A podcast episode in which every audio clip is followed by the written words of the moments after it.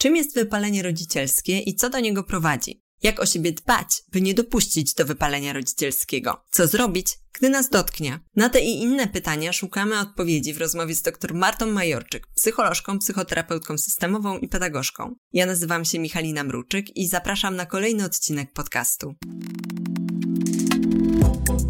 Strefa Psyche Uniwersytetu SWPS. Psychologia bez cenzury. Więcej merytorycznej wiedzy psychologicznej znajdziesz na psycheswps.pl oraz w kanałach naszego projektu na YouTube i Spotify. Zapraszamy.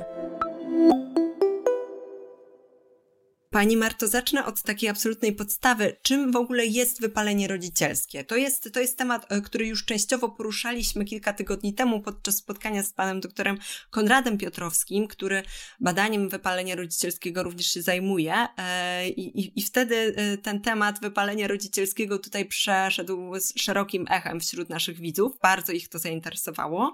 Dlatego bardzo się cieszę, że dzisiaj możemy ten temat poruszać. Pani Marto, co to w ogóle jest to wypalenie rodzicielskie?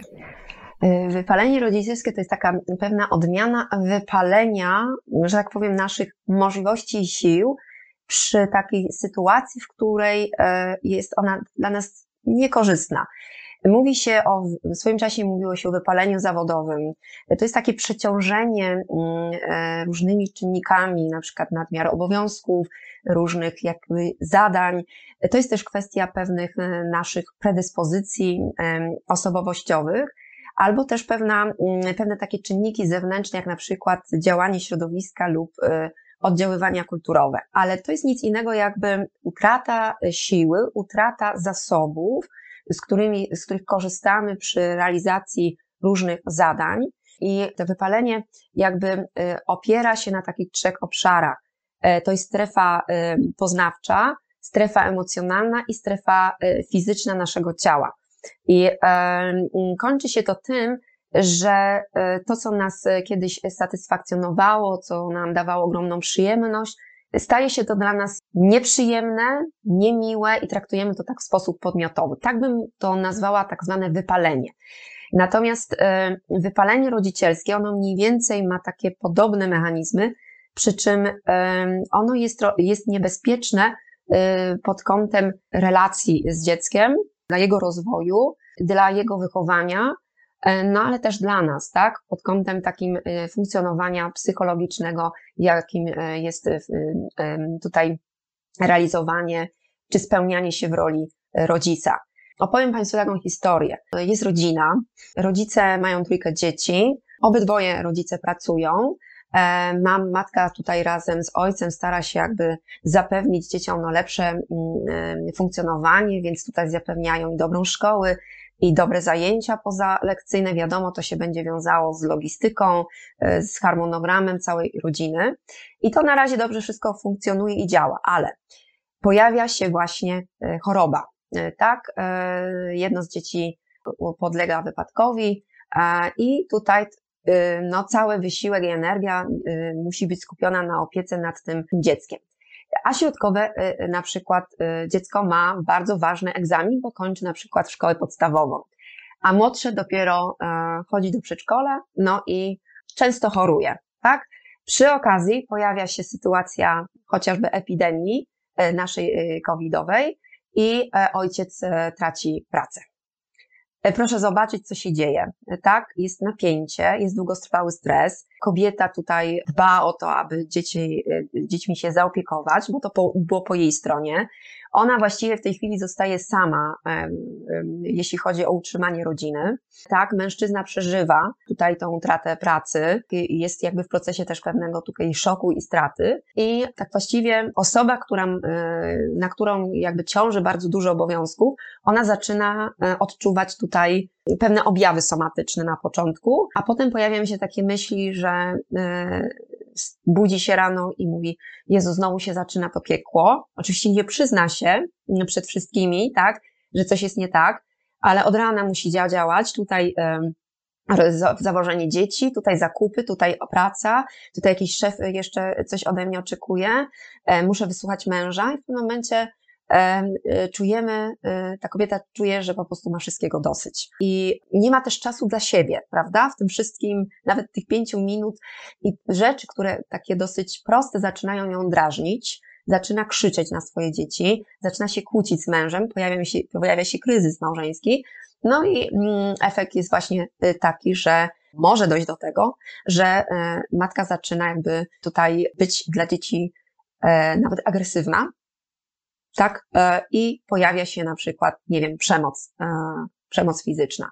To nie oznacza, że zawsze za każdym razem coś takiego dochodzi, ale na przykład kobieta może dojść do takiego stopnia, że zacząć myśleć o mm, dosyć poważnej sytuacji, a mianowicie, że ta sytuacja, w której znajduje się, jest sytuacją bez wyjścia i na przykład, nie wiem, sięga po kieliszek, e, po alkohol. Chociaż tutaj wątpię, mm, czy popełniłaby samobójstwo, ale ze względu na przykład na jej delikatność jakąś osobowości, takie osoby nawet też e, zaczynają myśleć e, w ten sposób. Być może to już jest nawet głęboka depresja, tak? Czyli wypalenie mm, tutaj rodzicielskie może doprowadzić do E, zbyt długotrwałe, tak? E, I e, sytuacja, w której nic nie zrobimy, może doprowadzić do zakłóceń, zaburzeń zdrowia psychicznego, a więc stanu depresyjnego. To jest, czy nowe zjawisko? Myślę, że nie, bo takie zjawisko wypalenia rodzicielskiego doświadczają rodzice z dziećmi z niepełnosprawnością, czy ruchową, z dziećmi chorymi przewlekle, tak, dziećmi, które, które wymagają ciągłej opieki.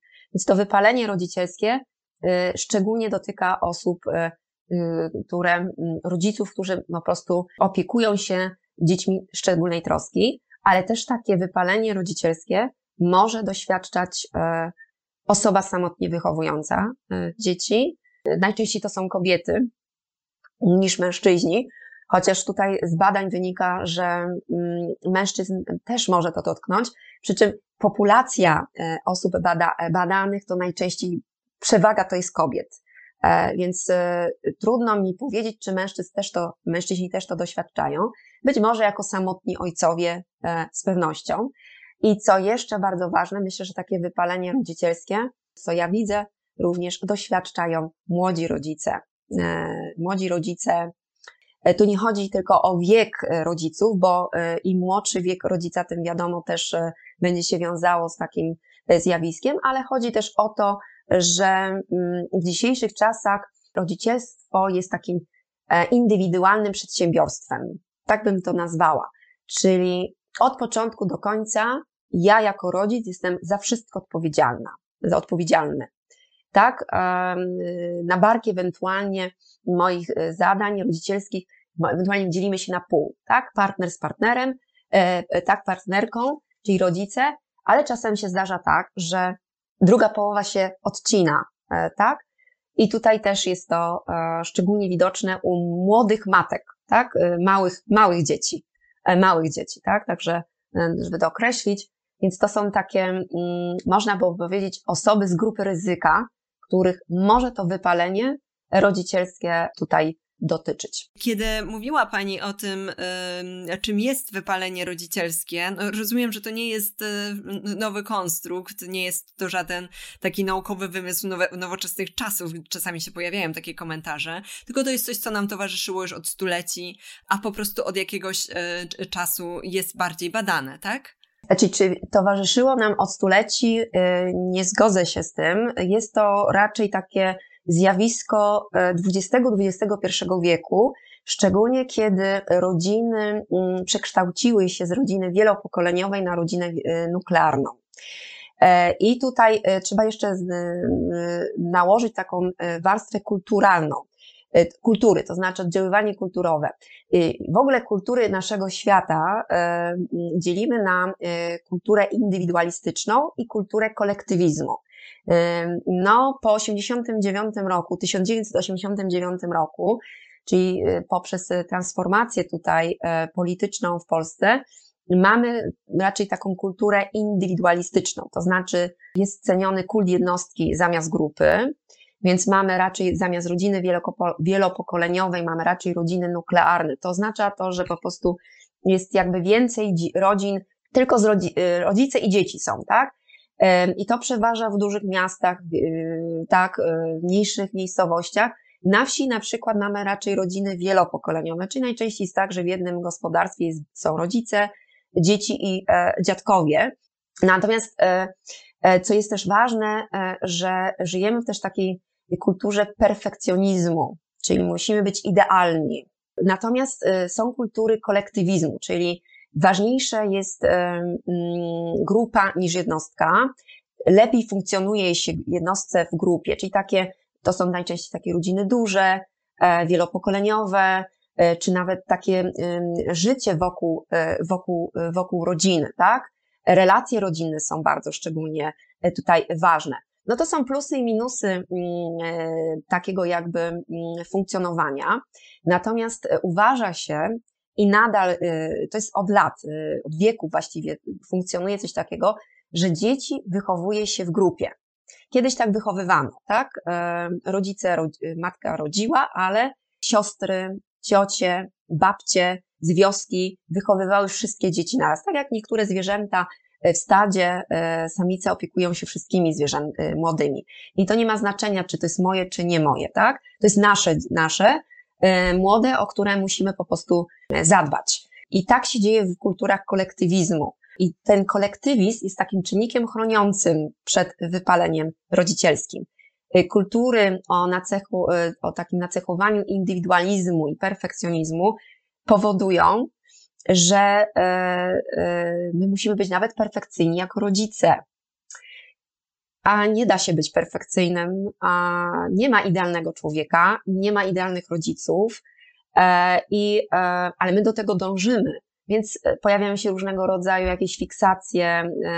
Rodzice się tutaj, mm, że tak powiem, skupiają na tym, żeby dziecko miało e, lepiej niż inne dzieci, żeby chodziło na 10 zajęć pozalekcyjnych, w ogóle, żeby było lepiej się chodziło, uczyło się, e, uczyło w szkole, żeby skończyło lepsze szkołę niż inne dzieci. I w ogóle moje dziecko, e, moje dziecko jest najważniejsze, moje dziecko, o moje dziecko trzeba zadbać i pojawia się też taka postawa nadopiekuńczości w stosunku do, do dzieci, czyli rodzic musi robić wszystko, od początku do końca sam, e, nie dopuszcza na przykład e, dziadków, bo rozpieszczają. No więc efekt jest taki, że po prostu tracimy czas, tracimy energię na te na bardzo ważne rzeczy, ale gubimy siebie. Bo jeżeli ciocia, siostra, babcia przyjdzie na te dwie godzinki, zajmie się moim dzieckiem, to ja mogę zająć się sobą. Chociaż przez 5 minut wypić kawę, czy przez 15 mogę wyjść do fryzjera, mogę zrobić zakupy, po prostu mogę zrobić to, co do tej pory robiłam, e, kiedy nie, była dziec nie było dziecka. Tak? E, e, no tutaj tego nie ma, tak?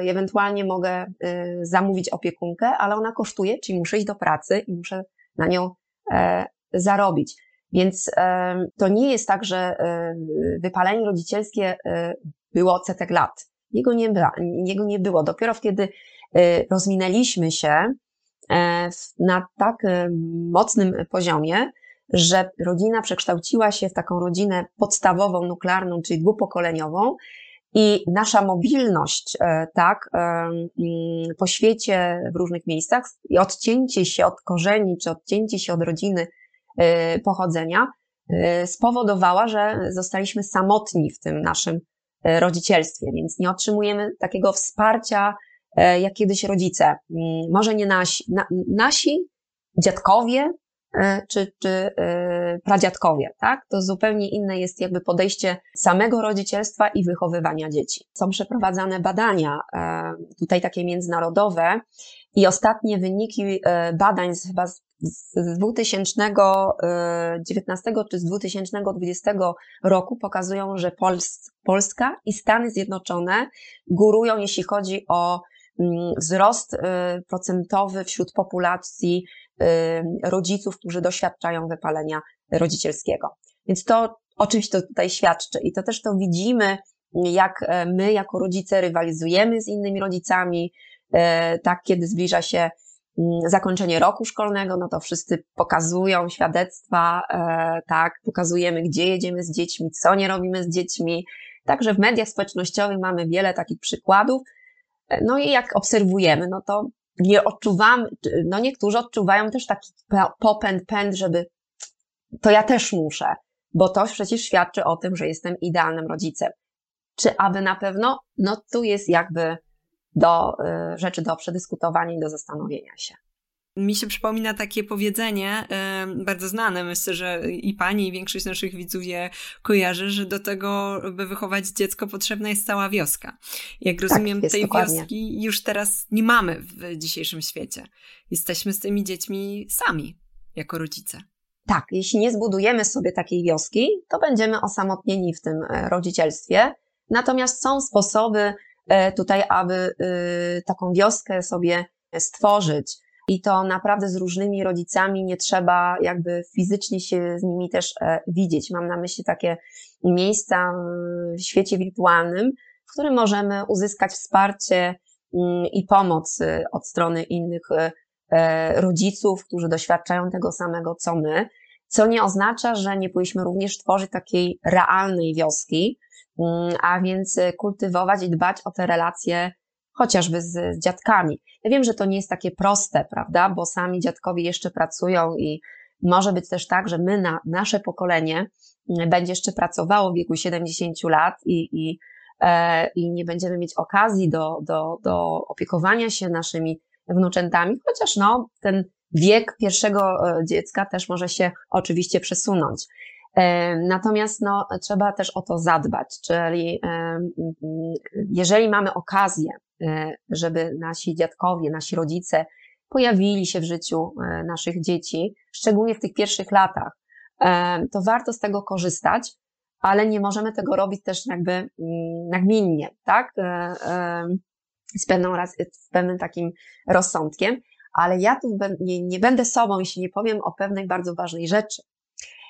To, że tworzymy sobie taką wioskę, tak? Czyli mamy kontakt z rodzicami, czy w mediach społecznościowych, czy jest, żyjemy, mieszkamy w jakimś osiedlu i e, mamy dzieci w podobnym wieku jak e, sąsiadka, e, tutaj mm, dwie klatki obok, tak, to też jest bardzo fajne, bo wtedy sobie rozmawiamy, chodzimy z dziećmi na ten plac zabaw, spotykamy się w miejscach, w których inni ze swoimi dziećmi też przychodzą. Takie są miejsca, w których są bardzo przyjazne dla dzieci.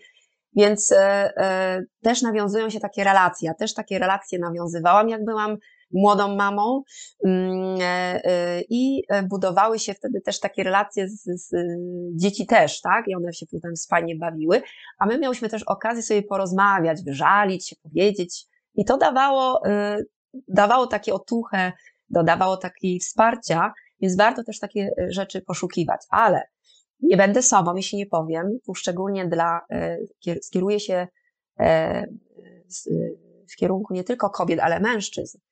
Bardzo ważne jest zaangażowanie ojców w opiekę, wychowanie dzieci. Ja jeszcze widzę niektóre takie tendencje, że kobiety zamykają, y, y, zamykają właśnie tę możliwość zaangażowania mężczyzny właśnie w opiekę i wychowanie nad dziećmi. To jest mega potrzebne, Szczególnie kiedy y, młoda kobieta, właśnie młoda matka potrzebuje czasem, żeby się po prostu wyspać te dwie godziny. E, najgorszy deficyt y, w życiu młodych rodziców to jest y, brak snu e, i niewyspanie. Właśnie to jest też jeden z objawów tutaj w sferze fizycznej, e, kiedy jesteśmy zmęczeni. Wystarczy się wyspać, chociaż te pół godziny dłużej, już inaczej będziemy tutaj po prostu funkcjonować, tak?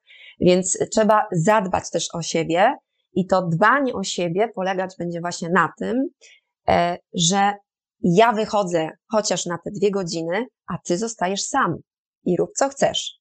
E, I nie, nie warto wtedy dzwonić i pytać, czy przewinąłeś tak, jak cię uczyłam. Nie, niech mężczyzna to zrobi tak, jak chce.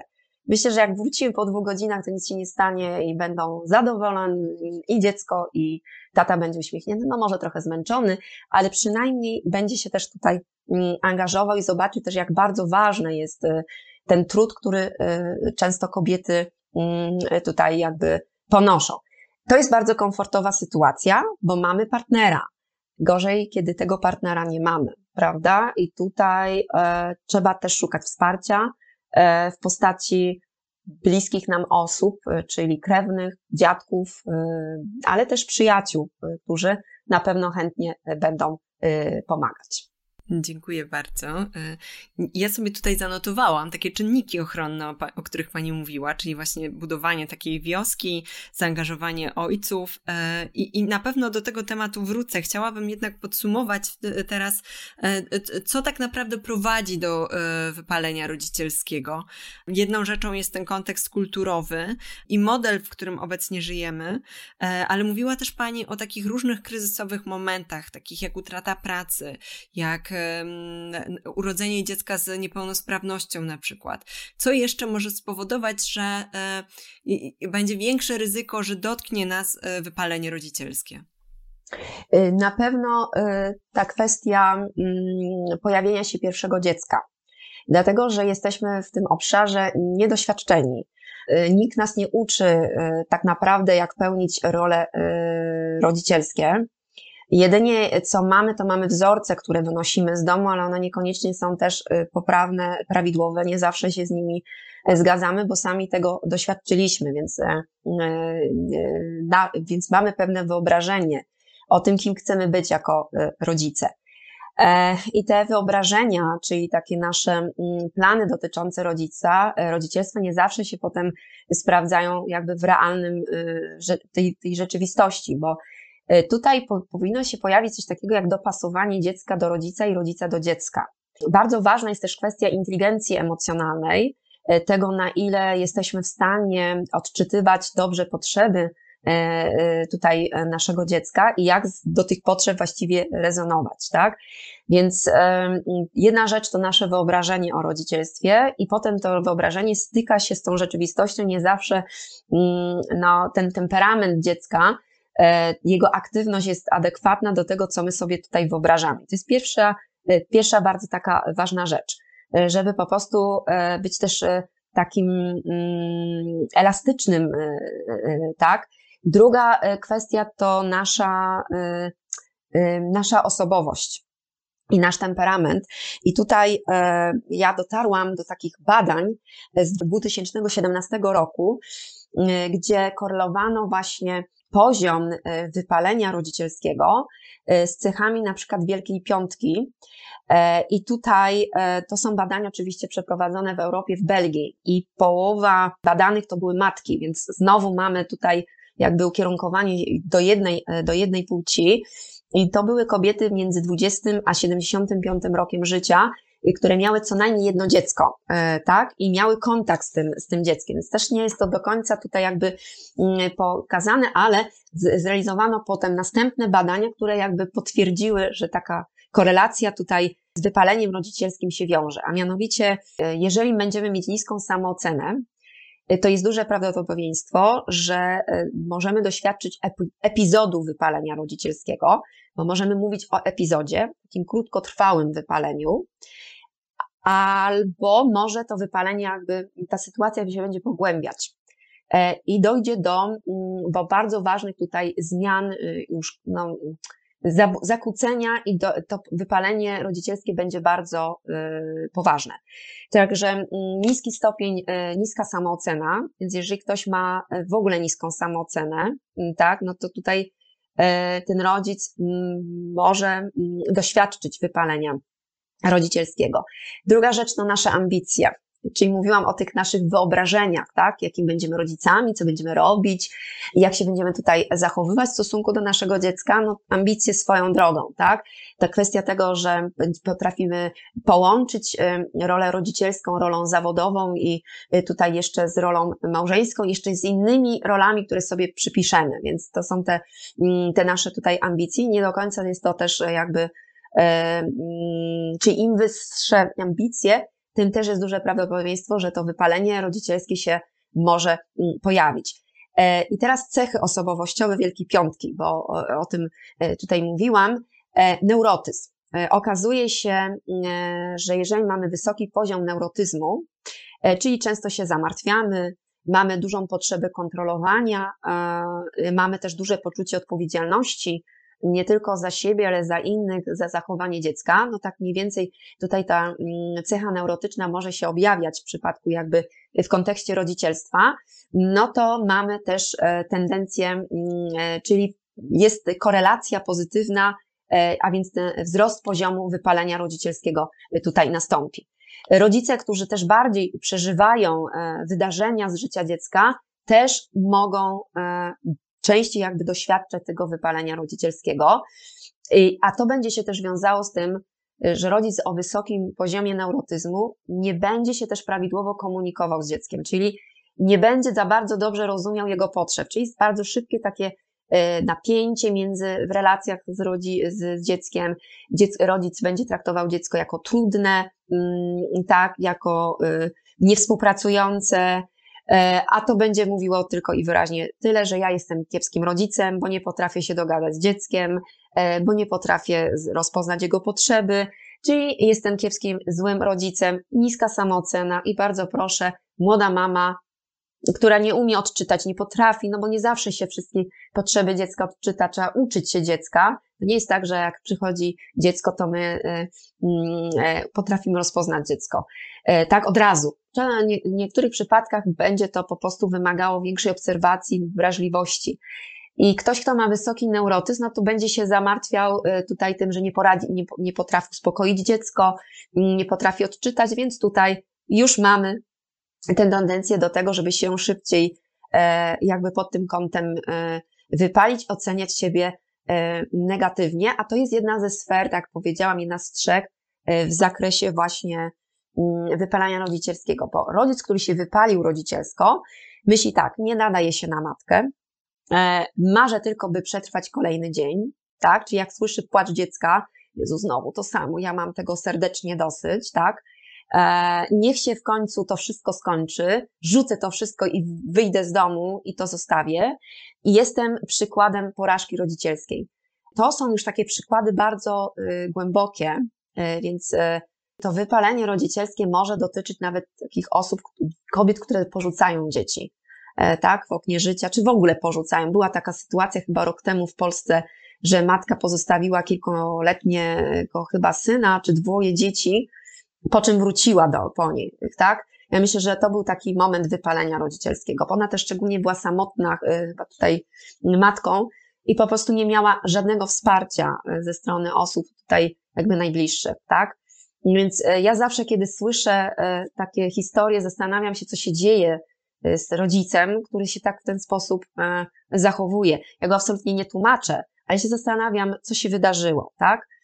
Czy on miał szansę przyjść i powiedzenia komuś, słuchaj, mam dosyć, mam już wszystkiego potąd i już nie wytrzymuję. Często właśnie rodzice, jak nie zostawiają dzieci, to starają się nie dopuszczać tych myśli, w związku z tym robią pewne rzeczy, które do nich należą, ale robią to bardzo e, jak roboty, tak? Czyli mechanicznie, tak jak należy, ale jeśli coś nie pójdzie według niego, jego planu, to się też bardzo mocno irytuje e, i zaczyna krzyczeć e, i zaczynają się konflikty, naciski, presja nawet na, na, na, na dziecko, żeby inaczej się zachowywało, żeby tutaj mm, wykonywało to, co rodzic chce i oczekuje. Jeśli się tak nie zadziewa, to może pojawić się kara. Kara fizyczna, a to już początek jest przemocy mm, e, fizycznej e, w domu, tak? Czyli albo nawet zaniedbywanie dziecka, tak? Więc tutaj to są te skutki e, odnoszące się do wypalenia rodzicielskiego, takie już bardzo głębokie. Od zaniedbania dziecka po przemoc fizyczną, przemoc emocjonalną, czy takie mm, wycofanie się w relacjach z dzieckiem, Czyli zapewnienie dziecku wszystkiego, co trzeba, ale nie tego, co najważniejsze dla dziecka, czyli zaspokojenie potrzeb emocjonalnych dziecka. Y, takie yy, słabnie więź emocjonalna, że tak powiem, tak? I potem, no, rodzic jest chłodny, tak? Y, rodzic jest obcy, jak to się później dzieci mówią, jak pojawiają się już dorośli jako na, na terapię, nie? że mój rodzic był obcy, e, taki chłodny, tak, niby wszystko mi zapewniał, ale nie było tego, e, tej miłości, nie odczuwałem, tak? E, więc to są takie jakby skutki e, tego wypalenia rodzicielskiego. I wracając jeszcze do tej wielkiej piątki, bo tutaj kolejną taką kwestią, która będzie powodować, że możemy odczuwać to wypalenie, doświadczać wypalenia rodzicielskiego, co jest ściśle, ściśle związane z tym neurotyzmem, taka nagminna, już bardzo, bardzo wyraźna, ja ją widzę, postawa nadopiekuńcza rodziców. Mm, tak, że jakby skontrolowanie tego, co robi dziecko, doprowadzanie dziecka do punktu, nawet nie wiem, jak byłaby możliwość, to nie wiem, do klasy byśmy doprowadzili dzieci i zaraz tej klasy byśmy wyprowadzili. Mm, chodzi o to, żeby po prostu, żeby dzieciom nie działa się krzywda, więc robimy wszystko nawet za dzieci, nawet załatwiamy dobre oceny e, tutaj e, dzieciom, czy nawet interweniujemy, jak dziecko już nawet jest dorosłe. To taka, tak, tak, są tacy rodzice helikoptery, taka postawa nadopiekuńcza. To nie jest dobra postawa, bo już nawet Maria Ziemska pokazywała, że ta, ta postawa nadmiernie ochraniająca to jest właśnie postawa nadopiekuńcza, ona nie jest korzystna tutaj dla w ogóle rozwoju dziecka, ale ona powoduje, że my odczuwamy większą frustrację, no i się szybciej wypalamy w roli rodzicielskiej. Sumienność.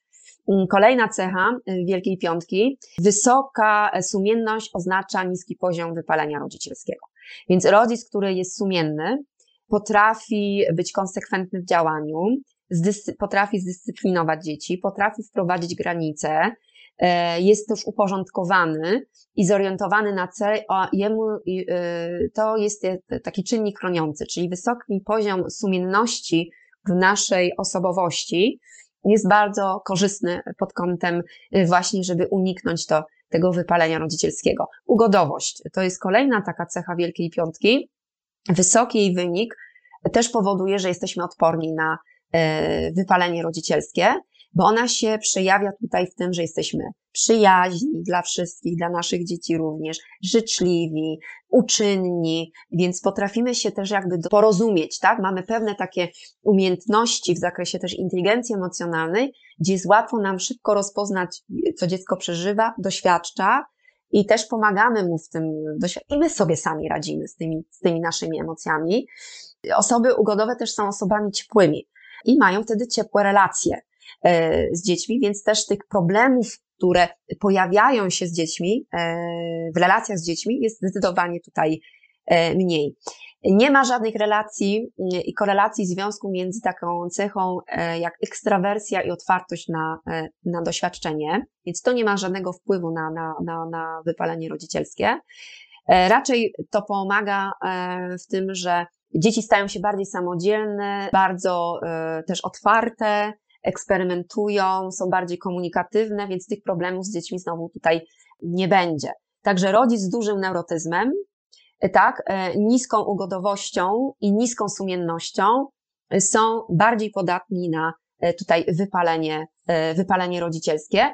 I tutaj te dodatkowe takie czynniki, o których jeszcze mówiłam, to właśnie ta nadopiekuńczość, przyjęty zbyt kontrolujący styl wychowania w stosunku do dziecka, czyli nadmiernie kontrolujący e, i brak umiejętnego odczytywania potrzeb dziecka. E, tak, e, to też są takie czynniki, które mogą spowodować, że jeżeli się wszystko to nałoży, to pojawiają się trudności w wychowaniu, w kontaktach z dzieckiem i to powoduje, że odczuwamy myśli, że jesteśmy słabymi, gorszymi rodzicami, pojawiają się emocje, tak, takie dezorientowanie, zagubienie, czasem smutek, złość e, na siebie. Próbujemy coś z tym zrobić i to zamiast, e, to się po prostu pogłębia. Więc to wypalenie rodzicielskie zamiast słabnąć, ona się po prostu e, tutaj pogłębia. Kiedy o tym słucham, to mam taką myśl, że to, co powoduje, że będziemy bardziej podatni na wypalenie rodzicielskie lub mniej, zaczyna się jeszcze wtedy, zanim zostaniemy rodzicami. E, I, e, I zaczyna się od tego, z jakimi oczekiwaniami wchodzimy, jaki mamy bagaż doświadczeń, bo wyobrażam sobie, że jeżeli doświadczyliśmy też jakiegoś, jakiejś, jakiejś traumy, e, czy na przykład sama droga zajścia w ciążę była utrudniona, że to również może mieć ogromne znaczenie w kontekście tego, czy będziemy mniej lub bardziej podatni e, na wypalenie rodzicielskie. Tak, bo jeżeli na przykład kobieta starała się razem z, z mężem o, o dziecko i miała tutaj takie właśnie dramatyczne przeżycia i kiedy w końcu się udaje, to taka osoba będzie mm, prawdopodobnie przyjmie, od razu taką postawę nadopiekuńczą w stosunku do swojego dziecka, czyli będziecie bardzo mocno zamartwiać, przeżywać, dbać o to, żeby tutaj jakby no, dziecku nie stała się krzywda.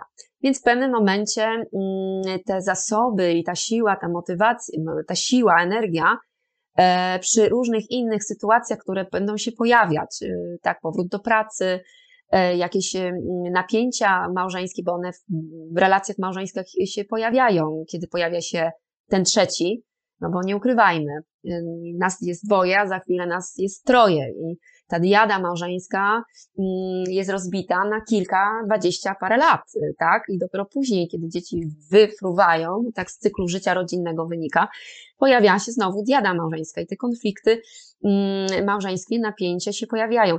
Dziecko nie spowoduje, że, że małżeństwo będzie szczęśliwe. E, tak? E, e, jest raczej czynnikiem, który osłabia i jest takim czynnikiem, który powoduje więcej napięć, bo mamy więcej dodatkowych elementów do, do, do, do, do spięcia, tak? Bo przykład, ja chcę być nadopiekuńcza, a mąż widzi, że to jest po prostu irracjonalne, tak, że to nie jest z korzyścią, że dziecko musi się tego nauczyć, że to będzie z korzyścią dla niego. No i mamy, co się pojawia? Mm, tak, daj spokój, pozwól mu na to, nie, bo on sobie zrobi krzywdę, no daj spokój. I w pewnym momencie mężczyzna sobie daje spokój, tak? I jest tak, jak kobieta chce, a potem jest tak, jak mężczyzna mówi, tak? Że sama sobie doprowadziłaś do tego, wyuczyłaś bezradnego, tak, syna. Ja miałam też taki właśnie przypadek, mm, kiedy mm, rodzice się kłócili. To była taka, taka sytuacja, że trzynastolatek e, złamał sobie rękę i miał e, obowiązek wynosić śmieci. I akurat mm, pojawiła się taka sytuacja i ojciec mówi, wynieś śmieci. A matka mówi, no nie, przecież ma chorą rękę, no ale ma prawą sprawną, więc może wynieść śmieci. Przecież to się nie zmieni. No nie, bo ma chorą rękę. A on mówi, no dobra, okej, okay, wychowasz sobie tutaj takiego i takiego mężczyznę. No i później się, no nie wiem, jak co tam się wydarzyło. W każdym razie chcę tylko pokazać tym przykładem, że tu mamy już takie spięcie, tak? Że rodzice między sobą rozmawiają. Każdy z nas ma swoje wyobrażenie, inaczej widzi inaczej pewne rzeczy spostrzega, na inne rzeczy y, jesteśmy bardzo uczuleni wrażliwi, mamy pewne wartości, jakieś cele. E, rodzice mają cele wychowania, cele wychowawcze, czyli e, dążymy do czegoś, mm, do jakichś kwestii, które są dla nas ważne i chcemy je przekazać dzieciom. I ten akurat y, ten mężczyzna chciał wychować silnego mężczyznę, który mimo, że go boli, musi sobie poradzić w życiu, bo tak będzie. E, I zresztą potem on mówił, e, że, że ja też doświadczałem różne rzeczy. E, bolało mnie, ale musiałem iść, bo miałem zadania, które wykonałem, które musiałem, licz, wszyscy na mnie liczyli. Ty, kiedy chronisz swojego syna, pokazujesz, że staje się on wtedy słabszy. Tak, mężczyzna musi być silna, a kobieta na przykład tu, ale to jest dziecko, jego boli ręka, on musi odpocząć i tak dalej, prawda? I Erich Fromm nawet o tym mówił, że kobiety są, e, kochają e, bezwarunkowo, tak, e, dziecko takie, jakie są i zamykają dziecko na świat. Mężczyzna kocha warunkowo. Kocham cię za to, kim jesteś, ale tutaj bardzo mi się podoba to u mężczyzn, że puszczają dziecko z kierunku świata, tak? Ja jako sama matka starałam się pamiętać o tym i no nie jest to łatwe, puszczając dziecko w świat, ale puszczam dzieci w świat, bo wiem, że one nie należą do mnie, tylko do świata. I e, one muszą znaleźć i zdobyć takie umiejętności i cechy i kompetencje i wiedzę, żeby sobie poradziły w tym świecie mm, e, beze mnie. Czyli to jest bardzo ważne. I to jest taki cel mm, no, daleki i robię wszystko, E, żeby po prostu to się udało. Chociaż często też gdzieś tam, no, mam takie momenty zamartwiania się, ale to jest serce matczyne i no, to są emocje, to trzeba sobie sobie z nimi poradzić, tak? Nie okazywać dzieciom, ale sobie radzi, no i często męż, mąż gdzieś tam słucha moich e, wynurzeń, tak? I wysłuchuje i mówi, ale słuchaj, tak musi być, bo tak, przecież o to ci chodzi. No ja mówię, no tak, o to mi chodzi. No i, ale to jest to wsparcie, prawda? To jest to wsparcie, żebym się nie, nie, nie, nie, nie, nie wypaliła. To nie oznacza, e, że e, nie doświadczamy tego wypalenia rodzicielskiego. Każdy z nas okazuje się, że może raz w życiu takiego, taki epizod wypalenia rodzicielskiego doświadczyć. Przy czym niektórzy sobie, sobie z tym bardzo dobrze radzą, dlatego że mamy właśnie takie zasoby w postaci naszej osobowości, czy wsparcia ze strony bliskich osób, albo y, odpowiednio myślimy, y, mamy właśnie mm, pewne mm, wyobrażenia, mamy poglądy, y, mamy pewne rzeczy uporządkowane w zakresie właśnie wychowania, rozwoju dziecka, wtedy łatwiej jest nam e, po prostu e, wyjść z tego mm, trudnego dla naszego momentu. I, e, no i nie mamy tych objawów, tak, tego wypalenia rodzicielskiego. A jakie to są te objawy, bo, bo y, y, wypalenia rodzicielskiego są takie trzy, e, no, trzy takie rzeczy, jak dystansowanie emocjonalne. Rodzic, który y, doświadcza wypalenia rodzicielskiego, nie pozwala sobie na bliskie więzi emocjonalne z dzieckiem. E, tak? Czyli na przykład dziecko przychodzi do domu, opowiada, jaki osiągnęło sukces, tak? Cieszy się, a rodzic słucha tego, natomiast ma odczucie, jakby stał obok, e, tak? E, nie jest w centrum, czy nie doświadcza, nie przeżywa tej radości razem z dzieckiem, tylko jest takie, jego emocje są takie temperowane. No dobrze, okej, okay, super. Ale nie doświadcza tutaj, nie odczuwa tego samego, co, co, co dziecko. Tutaj działanie mm, człowieka jest takie mechaniczne, tak? Czyli wysłuchuje, ale nie ma takiej reakcji, nie zaspokaja też potrzeb emocjonalnych. Czyli na przykład y, to może się objawiać y, tym, że rodzic nie mówi, że kocham cię, albo po prostu nie przytula dziecka. Nie podchodzi do dziecka, kiedy ono płacze, coś przeżywa, tak, e, e, nie wysłuchuje problemów y, dzieci, e, nie, nie przeżywa razem z dzieckiem. I to jest właśnie takie dystansowanie się emocjonalne, na tyle, że w pewnym momencie będzie bardzo chłodna ta relacja z dzieckiem. Drugie to jest takie wyczerpanie fizyczne i psychiczne. Rodzic czuje takie wyczerpanie fizyczne i psychiczne, czyli mm, e, jest zmęczony, odczuwa coraz częściej bóle głowy, pojawia się bezsenność, e, nawet brak ochoty y, na jedzenie może się zdarzyć. To zależy, jak my funkcjonujemy, bo ktoś na przykład w czasie stresu zajada albo y, wręcz odwrotnie mm, nie ma ochoty na, na jedzenie. Jest, y, rodzic taki jest też bardzo podatny na zachorowanie, tak? Czyli ta odporność organizmu też spada, tak? I jest ciągłe poczucie zmęczenia. Wstaje rano i czuje się zmęczony, tak? Jest godzina dziewiąta rano, i już po godzinie kontaktu z dziećmi ja jestem niesamowicie zmęczona, tak? I Mm, mm, poza tym pojawia się takie coś jak frustracja, irytacja i mm, tutaj, kiedy rodzic ma pomyśleć, że weekend z dzieckiem, tak, to jest tak, e, jak chodzimy do pracy i teraz jesteśmy dwa dni z dziećmi, albo kiedy jest znowu izolacja, tak, czyli kwarantanna, albo przejście na naukę zdalną, to tu już jest znowu to samo, tak, taki piekło, takie dezorganizacja dnia, E, różnego rodzaju, a mama to, a mamo to, a mamo tamto, zmęczenie. No to jest zmęczenie w pewnym momencie, ale to, e, no to jest też jakby mm, e, wliczone, tak, że musimy sobie tutaj jakoś poradzić z problemami dzieci, stąd też właśnie kwestia samodzielności dzieci, tak, taki, jeżeli od małego zaczynamy, zaczynamy ćwiczyć ten trening samodzielności dzieci, E, i poczucia e, u nich sprawstwa i kompetencji, że ja potrafię, że ja sam i pokazujemy dziecku, jak na przykład sobie zrobić kanapkę, jak zrobić sobie herbatę, no to ono nas już w pewnym momencie nie będzie wołać o to, tylko ona sobie samo zejdzie i, i zrobi, tak? I to jest właśnie, mm, ale mówię też o takich problemach, które dziecko naprawdę potrzebuje pomocy i wsparcia ze strony y, y, tutaj rodzica. I właśnie często jest też tak, że rodzic nie odczuwa tutaj niechęć do działania, tak? Y, odbiera to bardzo, y, y, bardzo źle. I ostatni element, poczucie daremności. Rodzic, który doświadcza wypalenia rodzicielskiego, odczuwa też takie poczucie daremności, czyli czuje, bez względu na to, co robi, jak reaguje, że jest to niewystarczające.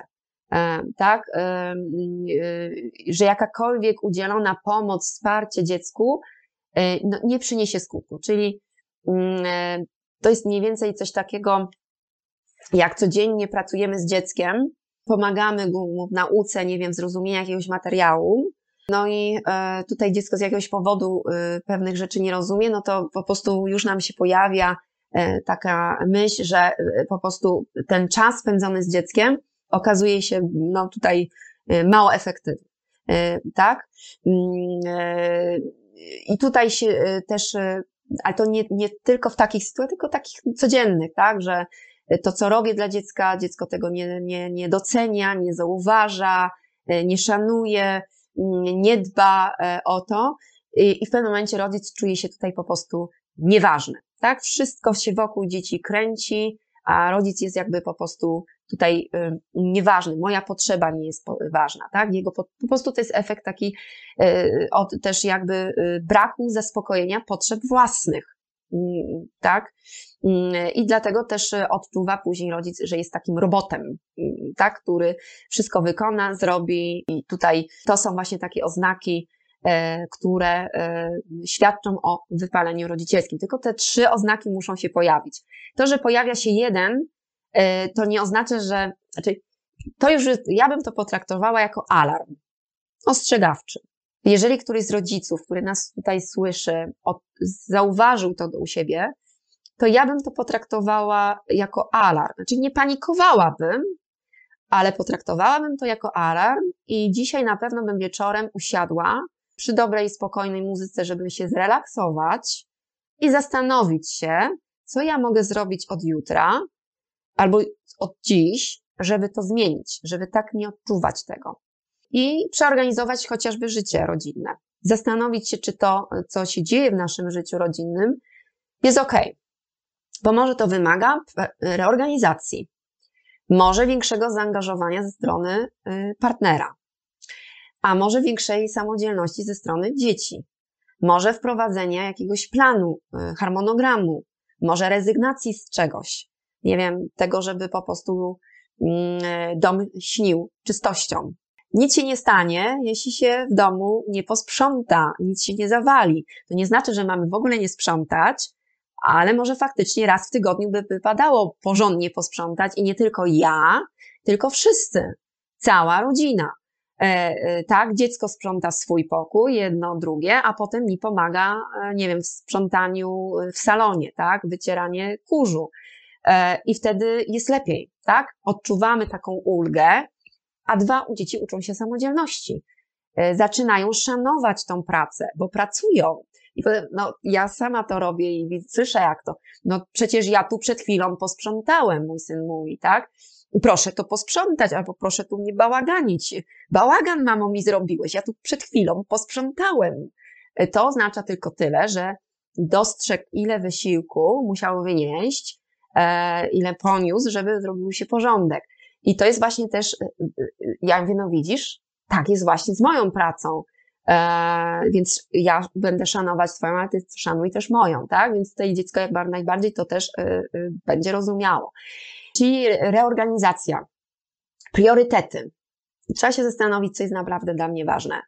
Czy ważne są relacje i więź emocjonalna z dzieckiem, czy to, że ja będę y, perfekcyjny i idealny w oczach innych.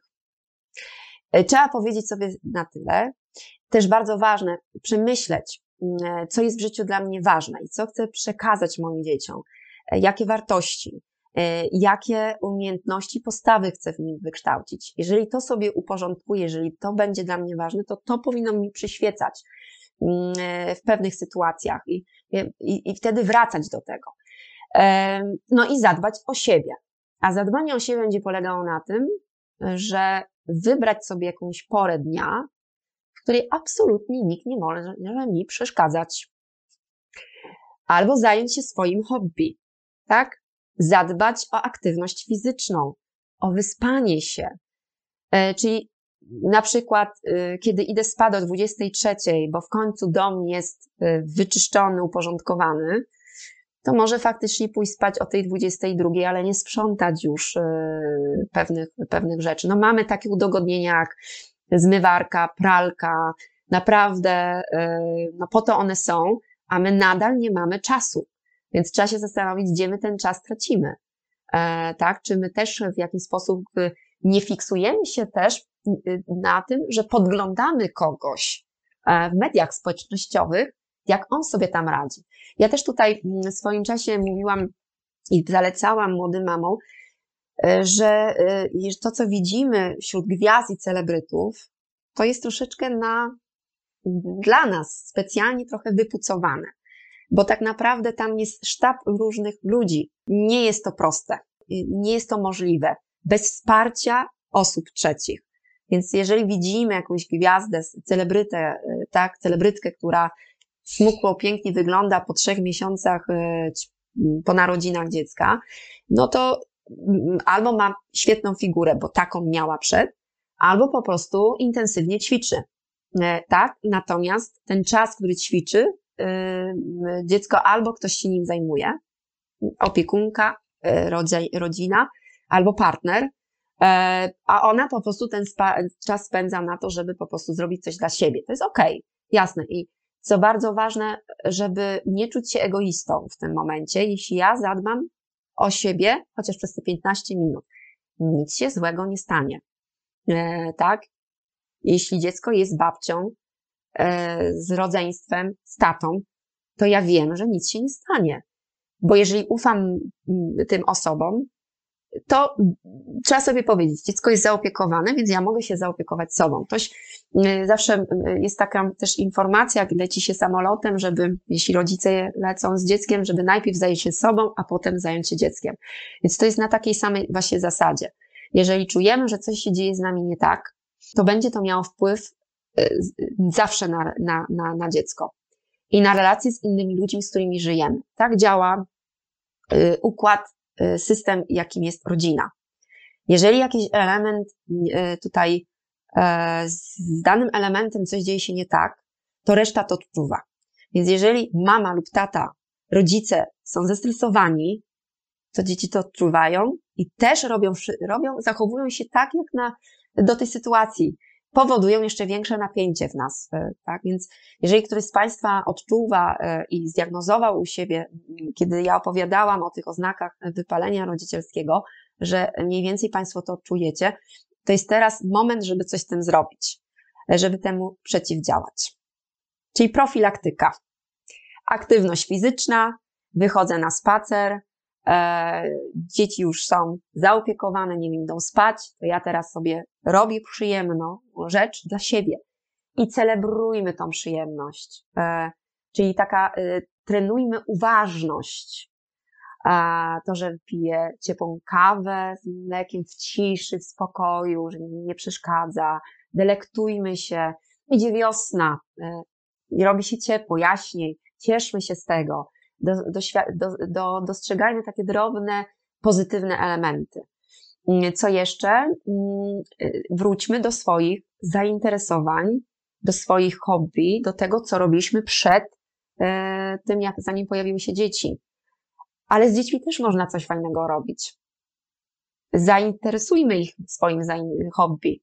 E, to będzie też fajne miejsce do, do budowania tej, tej, tej relacji z dziećmi.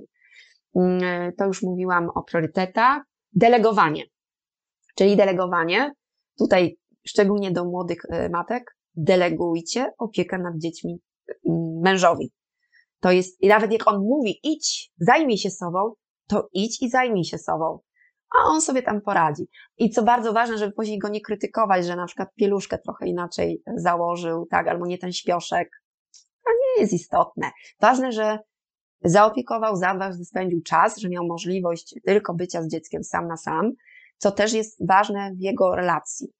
E, bo my często możemy też przeszkadzać e, w budowaniu tej, tej relacji z ojcem. A to wiem, bo przeprowadzałam badania, więc e, w kontekście roli ojca to jest mój konik taki.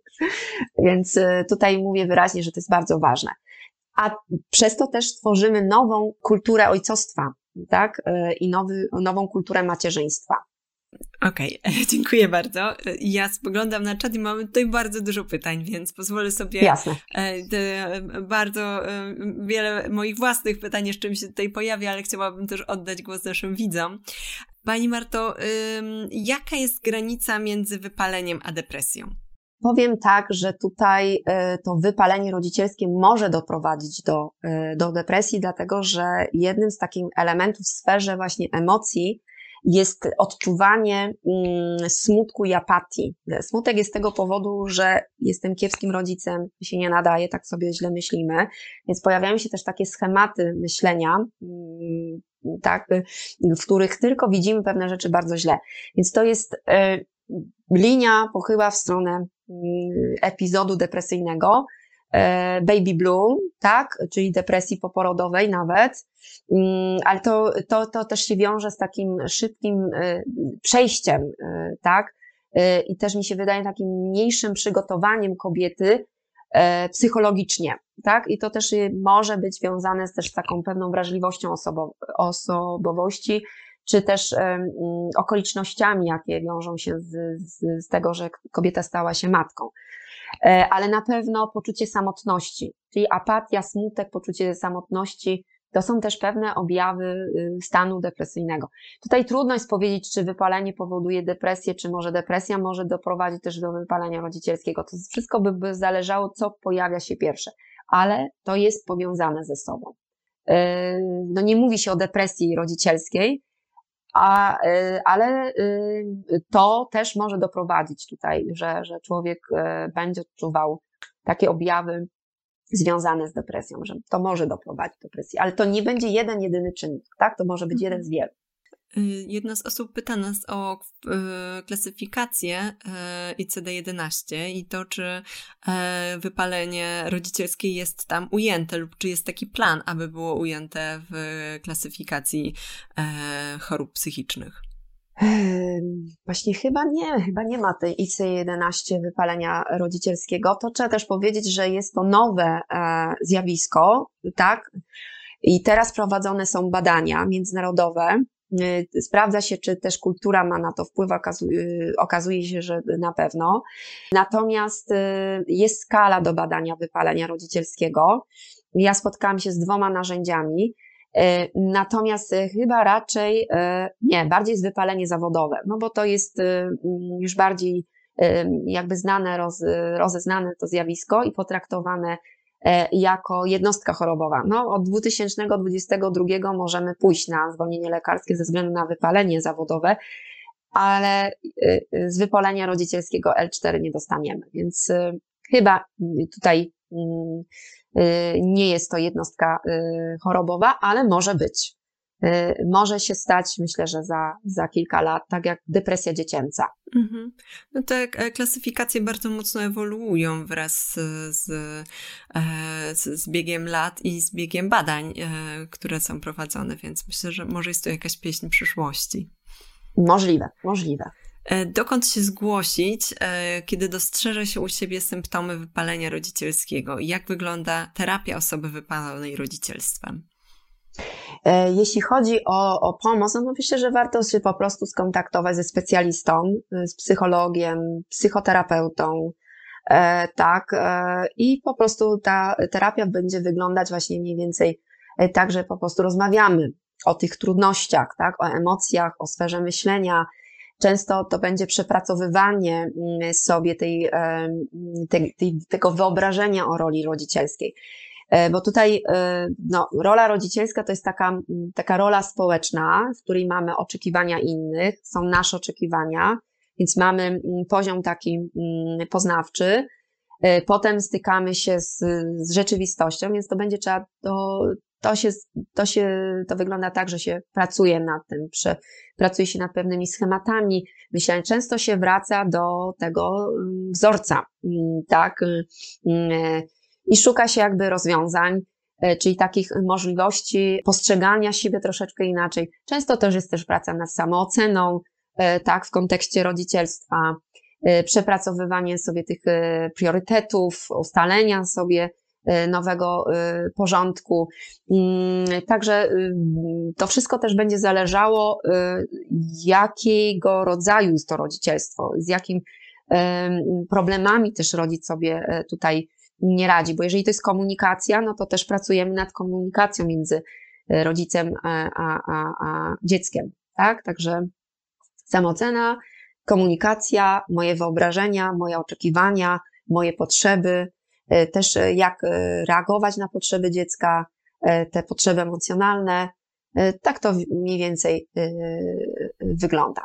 A to jeszcze dodam od siebie, to jest terapia indywidualna czy terapia rodzinna, systemowa w takiej sytuacji? To zależy, tak? No oczywiście podejście takie grupowe, rodzinne będzie lepsze, bo jako terapeuta jestem w stanie lepiej e, zobaczyć pewne, pewne, pewne rzeczy. I w podejściu systemowym to jest też tak, że jak e, już zadziewają się pewne procesy w trakcie, e, tak, kiedy mm, na przykład dziecko ma możliwość usłyszenia, jak mama czy tata pewne rzeczy widzi i nawet mąż wtedy jest w stanie zobaczyć, jak kobieta widzi pewne rzeczy, to on też jest w stanie tutaj Mm, pomyśleć nad tym, zastanowić się, więc już pewne jakieś procesy w trakcie y, tego spotkania się zadziewają. No ale to jest podejście systemowe, tak? No i czasem bywa, że po prostu jest to też praktyka indywidualna, y, bo tak sobie rodzina po prostu życzy, tak? Może być to często jeszcze bardziej coś głębszego w tym, w tym, w tym, w tym życiu rodzinnym. No, ale często wystarczy też mm, jakieś przygotowanie, na przykład zapisanie się na ciekawe szkolenia, na trening umiejętności wychowawczych, na trening związany z moim własnym rozwojem w tym obszarze komunikacji, w, tak, czy, czy budowaniu swojej lepszej samooceny e, w przypadku e, rodzica. To też zależy o jakim poziomie, że tak powiem, wypalenia rodzicielskim E, mówimy. Mhm. E, pojawiły się też takie pytania, ja je postaram się złożyć w takie jedno.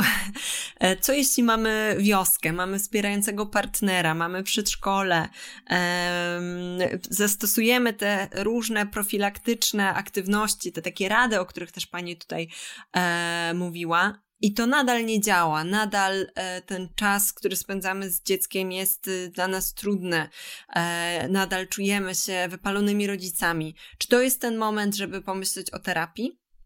Tak, zdecydowanie. Zdecydowanie. Czyli podsumowując, jeszcze e, chciałabym te e, porady, o których Pani e, mówiła, co można zrobić same, tak samemu dla siebie w tym momencie, jeżeli po tym webinarze usiądziemy sobie jako rodzice i pomyślimy sobie, kurczę, mam te objawy, to pierwsze, co możemy zrobić, to zastanowić się nad reorganizacją naszego życia, tak. nad ustaleniem na nowo priorytetów tego, co jest dla nas ważne. Możemy zastanowić się, kogo jeszcze możemy włączyć, w jakim zakresie możemy włączyć naszego męża, partnera, partnerkę, e, rodziców, e, tak. komu możemy oddać zadania, jak zadbać o siebie, e, czyli czy, czy na przykład zacznę jakiś sport, czy po prostu dam sobie taką e, godzinę w ciągu dnia, jak już dzieci zasną, że nie sprzątam, nic nie robię, po prostu siadam sobie z dobrą herbatą, albo jeśli jest drugi opiekun, to z lampką wina na przykład i zajmuję się sama sobą. Jeżeli mimo to to nie działa, to wtedy możemy pomyśleć o terapii. Y, tak, trzeba postarać się wprowadzić te, e, te, te elementy i poczekać chwilkę, bo często y, to też y, wymaga od nas takiej mm, uporządkowania, systematyczności, konsekwencji, no bo, no trzeba sobie pomyśleć o tym, że dziecko, dzieci pomyślą, ale z mamą coś jest nie tak, z tatą coś jest nie tak, coś tu nie pasuje. Więc to nie będzie tak, że my to zmienimy i od razu będzie jak, e, jak, zapal, jak zapalenie świeczki, zrobi się jasno. Nie, to też trzeba trochę e, pomału poczekać, ale też jakby być w tym wszystkim konsekwentnym e, i stanowczym. Mm, tak, i starać się o to po prostu zadbać. Wprowadzić też kwestię takiej relaksacji, umieć pracować nad swoim stresem, zapanować nad tym stresem, bo ja tutaj może nie wiem, czy by brzmiało, ale to wypalenie rodzicielskie jest efektem też długotrwałego stresu, w którym e, funkcjonujemy. Więc musimy zadbać o nasz, e, o nasz jakby to, e, jaki jest ten poziom stresu. Czy to jest dystres, czy to jest taki poziom stresu, eustres, który wyzwala w nas motywację, żebyśmy działali. Więc kwestia relaksacji, kwestia trenowania takiej uważności. Tę uważność można ćwiczyć z dziećmi i samemu, tak? Mm, I kwestia trenowania wdzięczności za to, co, ma, za to, co mam, co mnie spotyka, tak, dziękować tutaj za wsparcie, za pomoc, ale też dużo rozmawiać z różnymi osobami. Nie bać się, nie wstydzić się tego, że na przykład no coś mi nie wyszło. I pomyśleć o tym, żeby postrzegać siebie, że jestem wystarczającym dobrym rodzicem dla mojego dziecka. A inni się tam nie liczą. I co bardzo ważne, tutaj, no to jest to, czego w naszej chyba kulturze brakuje, że postrzegać nie moje dziecko, tylko nasze dzieci. Że wszystkie nasze dzieci są. I wtedy też będzie łatwiej nam uzyskać wsparcie od zupełnie obcych osób, tak? I nie bać się też tego, mieć też zaufanie większe y, do, do, do szkoły, mm, do nauczycieli, do, do przedszkola, do żłobka, bo ja też się z tym spotykam ze strony nauczycieli, bo w szkole też nauczycieli na radach pedagogicznych, że rodzice są e, straszni, e, że wyma- roszczeniowi, e, wymagający. Ja myślę, że tutaj też bardzo ważna jest współpraca rodziców ze szkołą. Szkoła nie chce absolutnie nas zastąpić w wychowaniu. Ona tylko ma nas wspierać. I, I, to też jest bardzo ważne, żeby o tym y, pamiętać, że to my e, jesteśmy e, tutaj przede wszystkim takim e, głównodowodzącymi. Więc bardzo ważne jest też jakby zastanowienie się, w jakim kierunku chcę wychowywać. I to jest kolejny problem, z którym się spotykam. Rodzice się fiksują na różnych trendach i modach w wychowaniu bym tutaj podawała nazwiska pewnych, e, pewnych autorów e, i e, one są fajne, fajne, fantastyczne, one naprawdę pokazują bardzo dużo ważnych rzeczy. Ale ja, jako osoba, która ma dosyć sporą wiedzę o wychowaniu, dosyć sporo poradników przeczytałam, nie dlatego, że jestem matką i tak dalej, ale z czystej ciekawości. I patrząc, jak to ustalić na takim mm, kontinuum, Y, to ja widzę też, że po prostu rodzice się fiksują. Jaka metoda wychowawcza od razu nie działa, jest załamanie, szukamy innej. Trzeba też dużo siebie słuchać, takiej intuicji mm, własną, tak? I to też jest bardzo istotne co z rodzinami wielodzietnymi? Chciałabym się też ku temu zwrócić, bo rzeczywiście dużo mówiliśmy o takim modelu, kiedy jest jedno dziecko, kiedy się pojawia pierwsze dziecko, a jak to jest, kiedy tych dzieci jest więcej? Czy to jest powszechne zjawisko, wtedy wypalenie rodziców, czy, czy też y, to, że te, ta rodzina jest duża, to też jest jakiś czynnik ochronny lub czynnik właśnie, który powoduje e, większe ryzyko?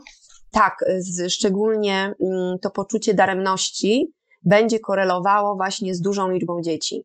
Tak, to jest powiązanie tutaj z tym jednym z wymiarem i także dystansowanie emocjonalne także koreluje z, wielką, z, większą iloczbą, liczbą e, dzieci, ale też dużą różnicą wieku między rodzicami i wczesnym urodzeniem.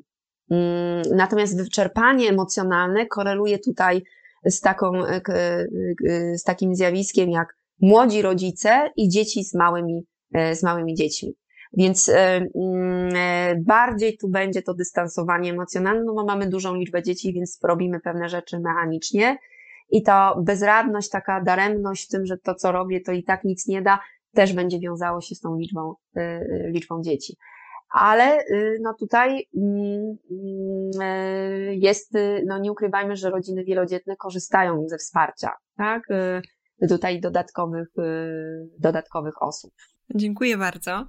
E, ja mam na koniec taką refleksję o tym, jak duże właśnie znaczenie ma to, żeby włączać, e, e, żeby włączać kolejne osoby. I też bardzo mi się podobało to, o czym pani mówiła o włączaniu ojców. Ja również jest, jest mi bliskie to podejście, żeby ojcowie nie byli tylko takimi osobami do pomagania, ale po prostu pełnoprawnymi rodzicami. Skoro mama może zmienić pieluchę, jest to jej po prostu zwykła, codzienna praca, to dlaczego w przypadku ojca mielibyśmy to postrzegać jako heroizm i, i jakiś dodatkowy wysiłek, to jest też jego praca. I myślę, że to jest taki pierwszy krok ku zmianie tego myślenia, który może troszeczkę e, też spowodować, że ten ciężar na barkach matek będzie mniejszy. Tak, i będzie większe zaangażowanie ojców w ogóle e, w, mhm. życie, w życie dzieci.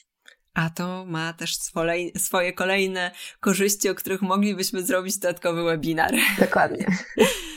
E, dziękuję Pani bardzo. Czy Pani chciałaby na koniec może jeszcze coś polecić naszym e, widzom? Jakieś dodatkowe źródła, literaturę, jakieś e, Mhm. Tak, jest tutaj zapis, zanotowałam sobie taką książkę Wypalona Matka.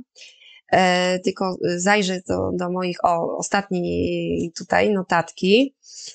Tak, jest taka książka Sherry Ziegler, Wypalona e, mama, co robić, kiedy mam zwyczajnie dość. Ona się ukazała mm, tutaj w 2019 roku na polskim rynku, Gdańskie Wydawnictwo Psychologiczne, więc y, polecam. I y, także o wychowaniu, o tym, że potrzebna jest cała wioska, to autorstwa Małgorzaty Stańczyk, Agnieszki Sztań. Właśnie tam może Państwo nie, nie znajdą jakby, jakby zaleceń, co zrobić, jeśli jestem wypalona, ale też pokażę to, jak bardzo ważne jest właśnie, żeby w wychowaniu dzieci włączać większą liczbę osób dorosłych. I nie tylko tych krewnych, ale zupełnie obcy osoby, które pełnią tą rolę wychowawcy jako obowiązek zawodowy. Natomiast wypalonej mamie, co robić, kiedy mamy zwyczajnie dość, mogą Państwo znaleźć właśnie taki test do sprawdzenia siebie, czy to wypalenie rodzicielskie mnie dotyka. No i oczywiście różnego rodzaju informacji, jak sobie z tym e, samodzielnie e, poradzić. Dziękuję bardzo. Dziękuję bardzo za ogrom, ogrom wiedzy. Ja sama się wiele nauczyłam, ponieważ no, wypalenie, jak sama pani e, zauważyła, jest nowym zagadnieniem e, i, i, badanym dopiero teraz tak szeroko zagadnieniem. Dlatego ja e, również pani dziękuję za ten ogrom wiedzy, którym się pani podzieliła z nami. E, dziękuję państwu, że z, na, z nami byliście. E, no i zapraszam na kolejne nasze spotkania. Do zobaczenia. thank you